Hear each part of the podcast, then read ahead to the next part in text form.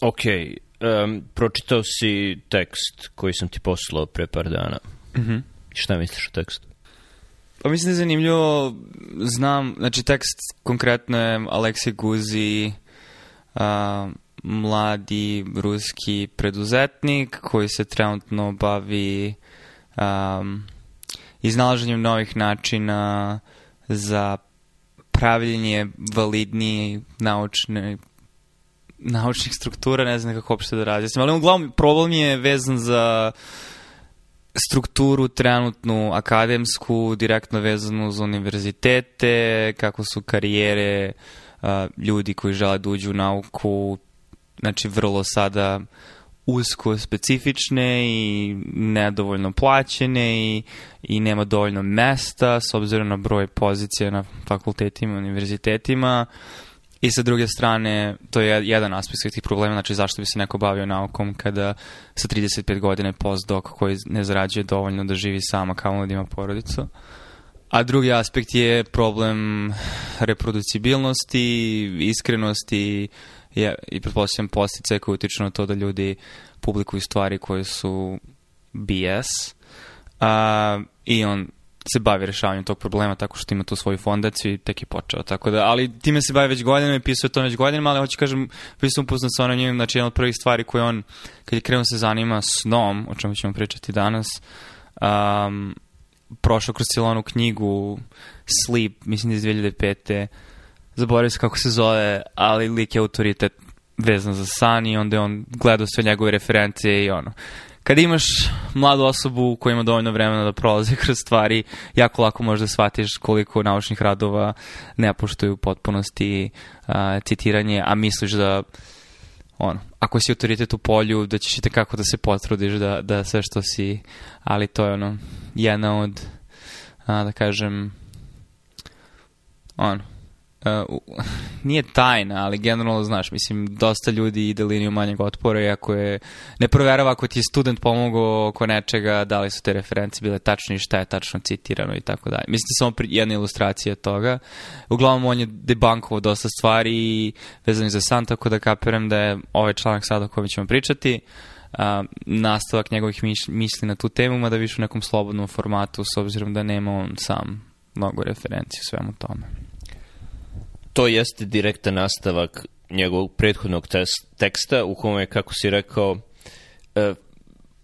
objasnio zašto knjiga, kako se zove, Sleep ili kako god, e, autora koji se preziva Walker, koji je PhD, koji je autoritet za izučavanje sna, bar u Americi, pretpostavljam u svetu, I prošao je samo kroz prvo poglavlje, jer je rekao u ovom prvom poglavlju ima toliko rupa, grešaka, netačnih citata, obrnutih citata, izmenjenih grafikona, lažnih grafikona, lažiranih grafikona, pogrešnih zaključaka, pogrešnih premisa, da nema poente čitati ostatak knjige i nije hteo da gubi vreme sa, sa opovrgavanjem e, činjenica i, i zaključivanja koje su, koje su bilo u ostatku knjige i taj tekst je bio popularan, međutim, autor se nije, direk, nije direktno odgovorio na to, niti je bilo ko iz naučne zajednice koja se bavi snom, uglavnom su pitanju psiholozi, uh, i neuro, neuronaučnici, ali uglavnom je psihologija, mislim da je, da je ovaj Pa dobro, možda malo pulmonolozi s aspekta patologije sna vezanih za sleep apneu i možda delimično neurolozi, ali uglavnom su, da, psiholozi. Kog, koji se bave kognicijom. Da. I niko nije direktno e, niko nije direktno komentarisao Aleksejeve tvrdnje i stvari su se nastavile on stvari kao po običaju ovaj drugi tekst se ne bavi nečim radom, već jednostavno izneo je par hipoteza jer je razmišljao o snu, izneo je par hipoteza za koje je rekao da su po njegovom iskustvu tačne, nema nikakve eksperimente koji može da ih potvrdi, da ne dolaze iz naučne zajednice, ali da s obzirom na reakciju naučne zajednice koja se bavi snom na njegov prethodni tekst, on ne bi verovao ničemu što iz te naučne zajednice dolazi, te da činjenica da su te njegove hipoteze u suprotnosti sa onim što naučna zajednica tvrdi, ne znači ništa ni za ni protiv istinitosti onoga što je on rekao. sa čim se ja slažem, jer uh, taj autor Walker, provjerit ćemo kako se, kako, koje moje ime, Walker je prezime, Uh, nije, nije da je on na, na marginama društva, nije da je on uh, ne znam, pseudonaučnik ili da jeste priznat naučnik, ali mislim ljudi se ono prevrće očima i misle da je ono što je Neil deGrasse Tyson za astronomiju, dakle ne toliko pravi astronom koliko popularizator nečega. Ne, on je lider naučni tog polja i 2019. godinu dve nakon što je Alex izdao taj tekst, mislim da ili možda čak iste godine, on je bio glavni e, govornik na njihovoj, na njihovoj konferenciji međunarodnoj. Tako da ne samo da je neko na marginama, nego je u centru svega i ne da ga nisu izopštili iz, iz zajednice zbog, zbog toga što mu je knjiga e, pogrešna, već je nastavio da bude lider. Da, um, ok, mislim, to je sad ono preludijum, hoćeš da onda, mislim, da pričamo o samom tekstu, pošto on, tekst je koncipiran tako što on lista nekih 5-6 teza i onda isto vreme komentariše naučnu literaturu vezano pa, za spavanje. Da, mislim, može da se pročita za 50 minuta, tako da ne, ne bih sad u detalje prepričavao ono o, o, o čemu je on pisao, ali je, svodi se na pravljenje paralele između udobnog sna koji ljudi sada imaju u poslednjih stotinak, dvesta godina, ne pre toga. E, većinu istorije ljudi su spavali na tvrdom podu, ne znam, šumskom, uh, u, u šumi možda li, lišće možda bilo nešto najudobnije na čemu si spavao, stalno si bio pod pretnjom da će te neki, neka grabljevica ono, ili neprijateljsko pleme napasti, uh, nisi imao toliko ograničeno svetlo, jer ako je pun mesec napolje, a ti nemaš zaklon, nije potpun mrak, tako da su većinu svoje istorije ljudi neudobno spavali i ljudski organizam je prilagođen na neudoban san i isprekidnut san i moderni koncept da nam treba 7 do 8 sati sna 7 do 9 sati sna, kao u zavisnosti individualna variabilnost, tako da za nekoga 7, za nekoga 9, ali ne manje i ne više, da je to moderni koncept koji je nastao kao posljedica udobnog zaštićenog sna koji sada imamo. Paralela koju je on napravio je sa ishranom, većinu svoje istorije ljudi su gladovali, e, dostupnost kalorija i slatkiša postoji samo u zadnjih stotinak, 200 godina, ako i toliko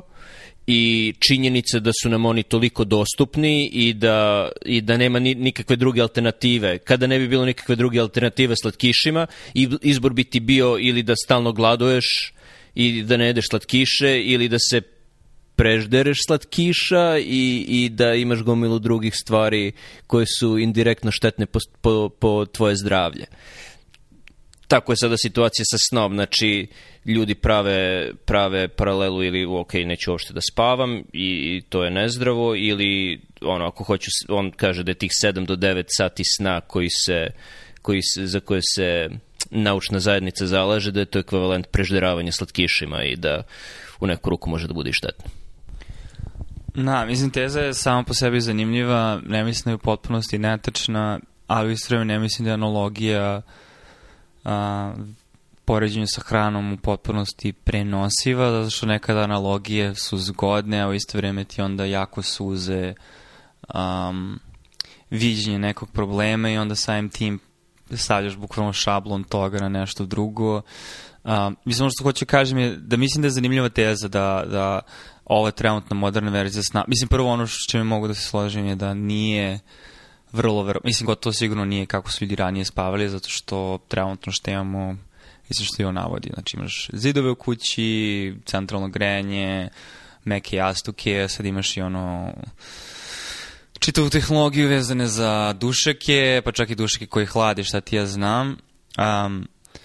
tako da definitivno nije onako kako su ljudi ranije spavali, ali isto još jedna stvar nije onako kako su ljudi ranije, to je količina svetla koju smo mi izloženi u toku dana. Znači ima mnogih drugih stvari, hoću kažem,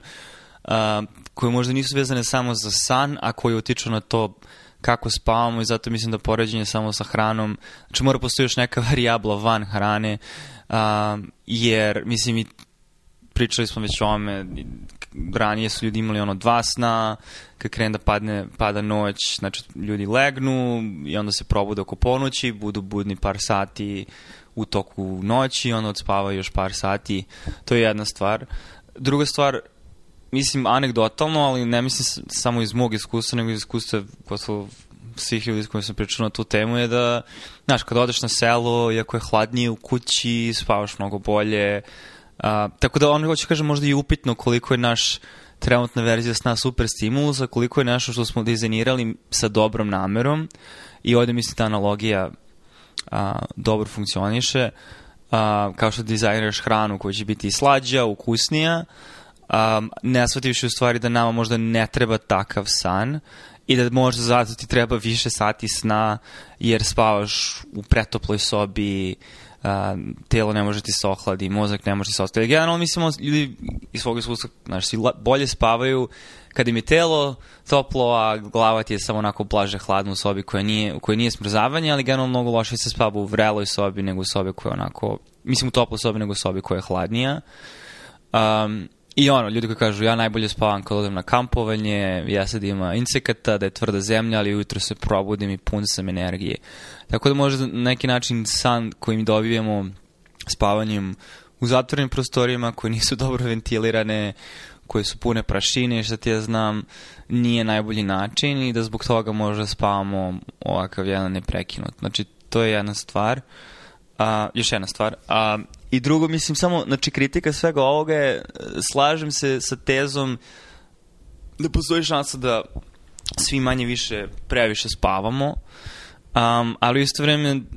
mislim da ne treba umanjiti uh, bitnost interindividualnih variacija i da nekim ljudima jeste potrebno više sta, nekim nije. Ja znam da ti i ja imamo suprotne bajese vezano za ovo, zato što obojci imamo drugačiji, drugačiji naš organizam reaguje. Gde tebi, ako se ne varam, 6-6,5 sati sna su sasvim dovoljni. I ako spavam 6-6,5 sati ne osjećam se dobro posle toga. I, i znaš, može, može onda pričati koliko hoće o tome kako je to okej, okay, dobro po mene, um, ali meni je neophodno oko 7,5 do 8 sati. Preko toga se ja ne osjećam dobro, ali jednostavno mislim da postoje variacije u tome šta god san bio. Mislim da želim da izmišljam hipotezu u smislu čišćenje mozga od prljavština, prunovanje sinapsi, neke od tih stvari znamo, ali pitanje je da je san krucijalan za njih. Uh, učenje različitih trofičkih faktora. Ali isto ne primećam da recimo kad odemo i vežbamo to veče, sledeće veče, mislim to veče nakon vežbanja, mislim prvo sam dosta pobuđen, ali onda kad zaspim, treba mi više sna e, i, i bolje se osjećam, telo mi se celo bolje osjeća, tako da ima neke veze između verovatno kako tvoj organizam deluje i na fizički stres i neophodnost za odmor. Um, uglavnom neću da dolazim u druge stvari kapiram da ti imaš komentar, ali to su neke stvari koje su me onako malo, ali opet ovo njegov, i sam se ogradio da je pitanju njegovo lično mišljenje i kažem, analogija je zanimljiva, ali mislim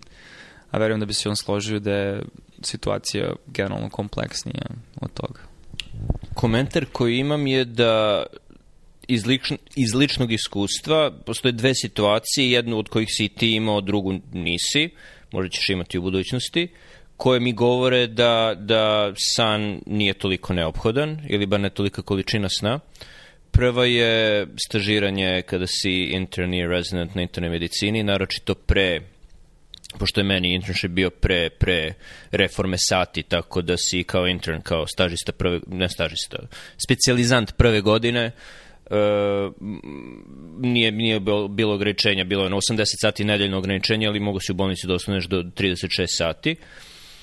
Znači, što, što se dešavalo, ili ono, izađeš u on, 10-11 uveče dok završiš sve i moraš da dođeš u 5 ujutru sledećeg dana na, na vizitu da bi sledećeg dana završio sve na vreme i izašao ono, u 6-7 popodne, ne u 10 uveče. I tu sam primetio da, ono, 4-5 sati sna,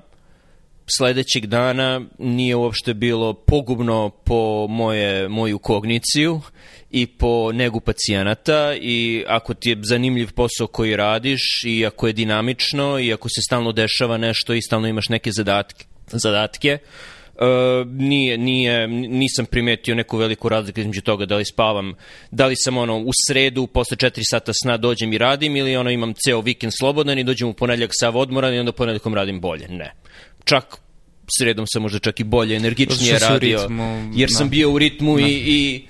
čak i sa tako malo sna. Jedina razlika je bila uh, podnevna predavanja, kada si seo i jeo i tada sam obično dremao za vreme predavanja, ali iskreno i, tim, i tih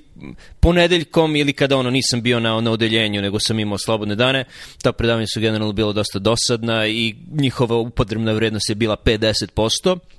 Ako naleti neko dobro predavanje, tu sam bio oba oko otvorina i nije mi se... Na Baltazarovim predavanjima si mogao da pojedeš tri parčeta pice i da dalje ostaneš da, budan. Da, tako da je to bilo merilo više kvaliteta predavanja nego, nego moje kognitivne sposobnosti. Ako je nešto moglo da mi brži, drži pažnju, čak i ako sam prethodno veče spavao samo 4-5 sati, opet samo pod navodnicima, e, to je onda bilo kvalitetno predavanje i bit će kvalitetno predavanje u svakom slučaju, ali budemo iskreni, 90% predavanja nije takva i 90% pa, predavanja ne zaslužuje tvoju pažnju, bilo da, da,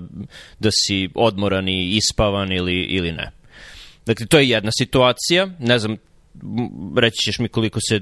tvoje iskustvo slaže sa tim, ti si imao malo reforme sati, tako da možda nisi toliko malo spavao za vreme, za vreme rada na odeljenju. Druga stvar je imanje dece, koja mi se desila na drugoj godini specializacije i onda se ponovilo još par puta. I tada ti def, definitivno imaš is, isprekidan san, neki put zaspiš na podu u pokušaju uspavljivanja deteta, uh, ali generalno, ako je stvar koju radiš zanimljiva sledećeg dana, može da ti drži pažnju, opet nisam primetio da utiče pogubno, čak šta više, znajući da ono što radi može biti prekinuto u bilo kom trenutku e, promenom pelene, hranjenjem, nekom drugom stvari, toliko si energičnije radiš i toliko bolje koristiš ono malo vremena koje imaš, tako da sam, što se tiče ono, pisanje radova i, i naučne produktivnosti, ako niče drugog, bio, bio mnogo produktivniji za one dve, tri godine u, u početku roditeljstva nego, nego pre toga. Na, e, hoću napravim par komentara, a znaš, kad se javi e, ideja šta želiš da kažeš i u kom smeru ide komentar, onda se javi još jedan komentar, tako da se nadam da ću uspeti da kažem sve. A, što se tiče a, s, ima nečega, u prvo, ne mislim da je kratkoročni prekid sna a, veliki faktor stresa. Mislim da to je jedna od teze koju on isto zastupa i, i sa time se slažem. Ne mislim da ako jednu noć spavaš. I ja čak isto nekad mislim da je dobro, jer nekada kad spava manje,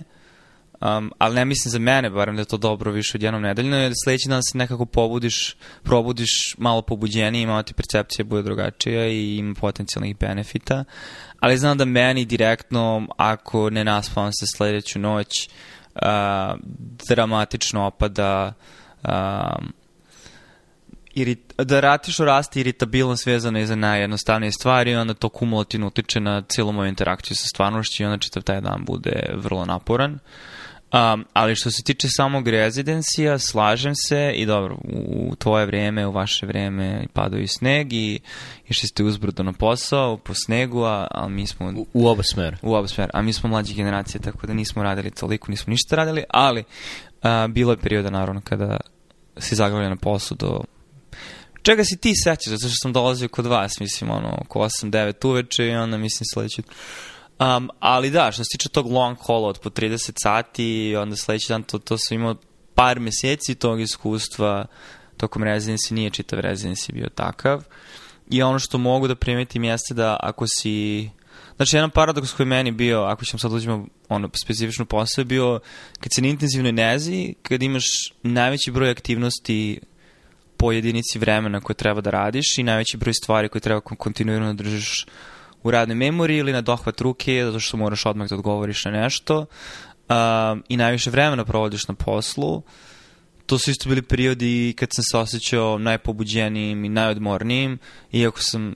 spavao relativno manje. Sad, da li to skače ti kortizol, imaš taj akutni stres mesec dana i da li to izdrživo šest meseci ili ne, to je pitanje, ali definitivno da su bili čak nekad periodi ono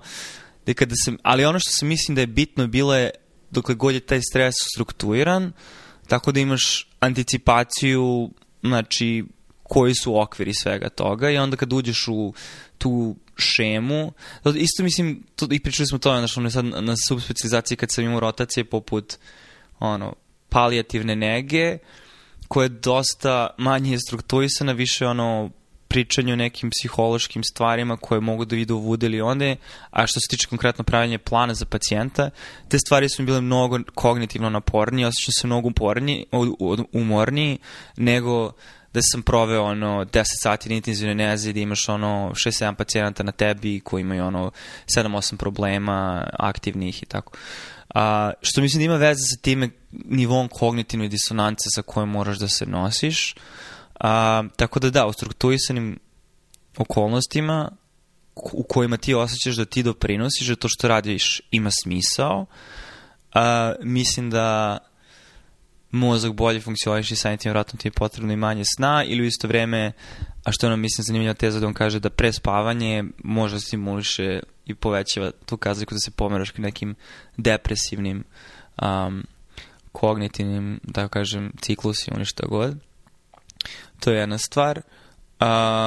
I da, zato što se sad fokusirao na ovu jednu stvar, ne mogu setim druge dva, tri komentara. Mislim, za ovu tvoju drugu tačku, da, nisam imao tog iskustva, tako da ne znam kako ću ti znam da za mene san ipak jeste bitan u smislu ako se osjećam neispavanim, e, znam da taj dan neće biti jako dobar osim ako ga ne poguram kofeinom. Mislim da se i on slaže sa tim, isto da i on isto pije kafu. Um, tako da, da, ajde nastaviti s nekim komentarima pa će možda pasti na pamet. Da, dok se ti ne sjetiš onoga što si htio da kažeš, ono što koliko se sećam, on nije spomenuo, a što može biti bitan, bitan faktor je što motorika može biti ugrožena, naročito brzina reagovanja može biti ugrožena sa manje sna. Sad, ne znam koliko su ta istraživanja validna, on to nije komentarisao, ali ono što znaš iz škole za vožnju i autoškole i što se ponavlja kad mora da položiš testove za izdavanje dozvole, je da i alkohol i nedovoljno sna smanjuju, povećavaju vreme reakcije, tako da možeš biti opasnost na putu ako si neispavan. Eto, dobro, mislim sigurno postoji studija. Stopa saobraćih nesreća rezidenta interne medicine posle normalne smene i posle noćne smene, neko koje ne spavaš. Jer ja imam iskustvo da su nekoliko ljudi iz mog programa koji su imali saobraćaj nesreće svi su ih imali nakon što se vraćali iz smene ujutru nispavani put u kući, ono, da li je bilo gubitak pažnje za volanom, dovoljno pola sekunde i mislim, ono, da. neko da. te spuca ili šta je. Tu, e, tu je pitanje da li je to bila neka smena gde uopšte nisi spavao ili si zastavio 2-3 sata,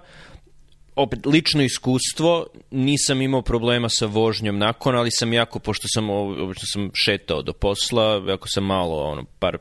meseci na Hopkinsu kada sam morao da vozim nakon dežurstva. To nije bilo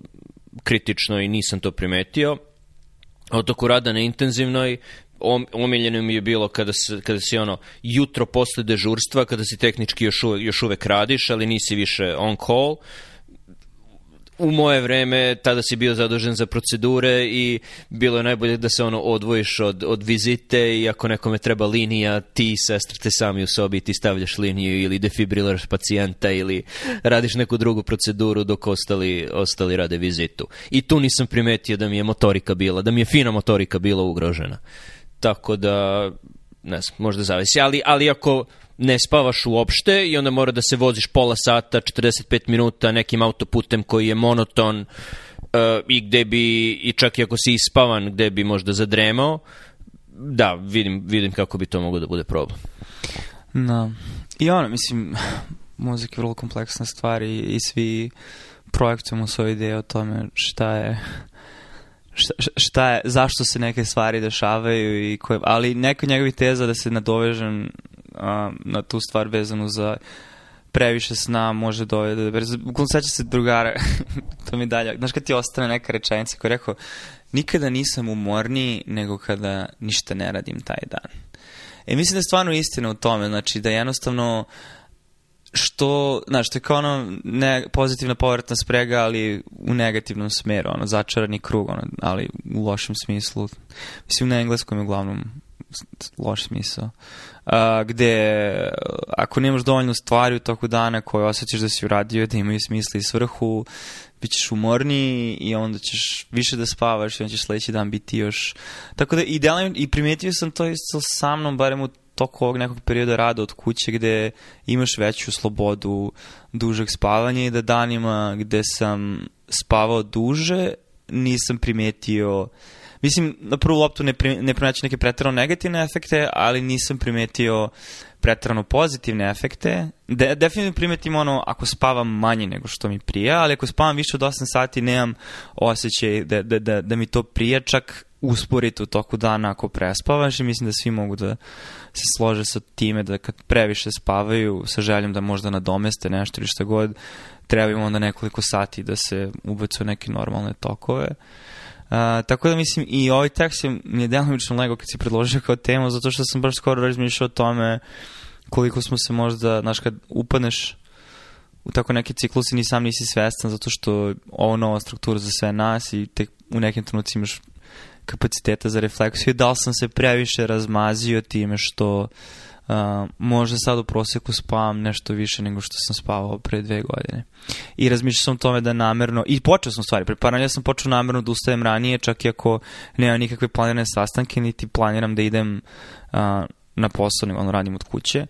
Uh, I definitivno, da, osjećam benefit toga. To je ključno, jer ako ne postoji razlike između spavanja 6 sati i 8 sati, ako je jedina razlika to koliko ti je lako da usneš iz kreveta, a da ti je ostatak dana normalan, ti uštedom od 2 sata dnevno povećavaš sebi život, aktivan život i stvari koje možeš da radiš. I to može biti više vremena, ne, ne čak ni da se baviš poslom, možeš isto vreme da provedeš u poslu, ali možeš da čitaš nešto dobro, gledaš nešto dobro, to produžavaš sebi život na taj način. Znam, ali vidiš ta teza mi je malo slaba zato što za neke ljudi, mislim, mislim da je jako teško napraviti tu generalizaciju zato što podrazumeva, da, u situaciji da nemaš nikakvu promenu na tvoj kognitivni status sa manje sna, da, ali ako spavanjem manje si ono 10% manje svestan svoje okoline, propriocepcije, iritabilniji si, upitno je koliko ti uh, dodatno vreme koje se dobiju toku dana, barem, kažete za mene, opet, možda se možemo složiti oko teme da ljudi imaju različito vreme neophodno um, da se osete odmornim i da je do velika većina nas može da spava nešto više nego što bi trebalo, ali da ne, to ne znači da svi treba da spavaju 4 sata i da je to dobro po sve. Ne znači, ali premisa je bila ako su sve stvari iste, osim toga koliko ti je subjektivni osjećaj lakoće ustajanja iz kreveta drugačiji kada spavaš 6 sati u odnosu na 8 sati, a da ostatak dana provedeš isto, to je onda ogromna razlika i produžavaš sebi život na taj način. Što je moguće, jer tu, tu tezu nisu, nisu testirali. Ono što ja radim, i što radim od uvek, mislim od, od, od kad kad postaneš roditelj više ti nisu bitne tolike stvari, ali kada si u situaciji kad uh, nema nikog da ti budi rano ujutru, uh, način da ustaneš ranije je da sebi namestiš dan i rutinu jutarnju tako da e, se raduješ unapred onome što ćeš raditi. Jer najgore ono kada se probudiš i vidiš da je pola pet i misliš pa dobro, bolje da spamiš dva sata, šta, šta ću drugo da radim. Ali ne, ako ustaneš u pola pet i pomisliš, e super, spremit ću dobru kafu i onda imam knjigu koju sam počeo da čitam i mogu ono sad dva više da provedem vremena u čitanju te knjige, odmah si već počeo dan uradivši nešto dobro i možeš već da smatraš taj dan uspešnim, šta god drugo da se desi u tom danu. Ono, povlačim reč za roditeljstvo, to je naročito bitno kada imaš decu, jer je e, to zlat, zlatnih par sati ustajanja pre, pre potomstva je vreme kada možeš nešto, nešto korisno da uradiš i za sebe.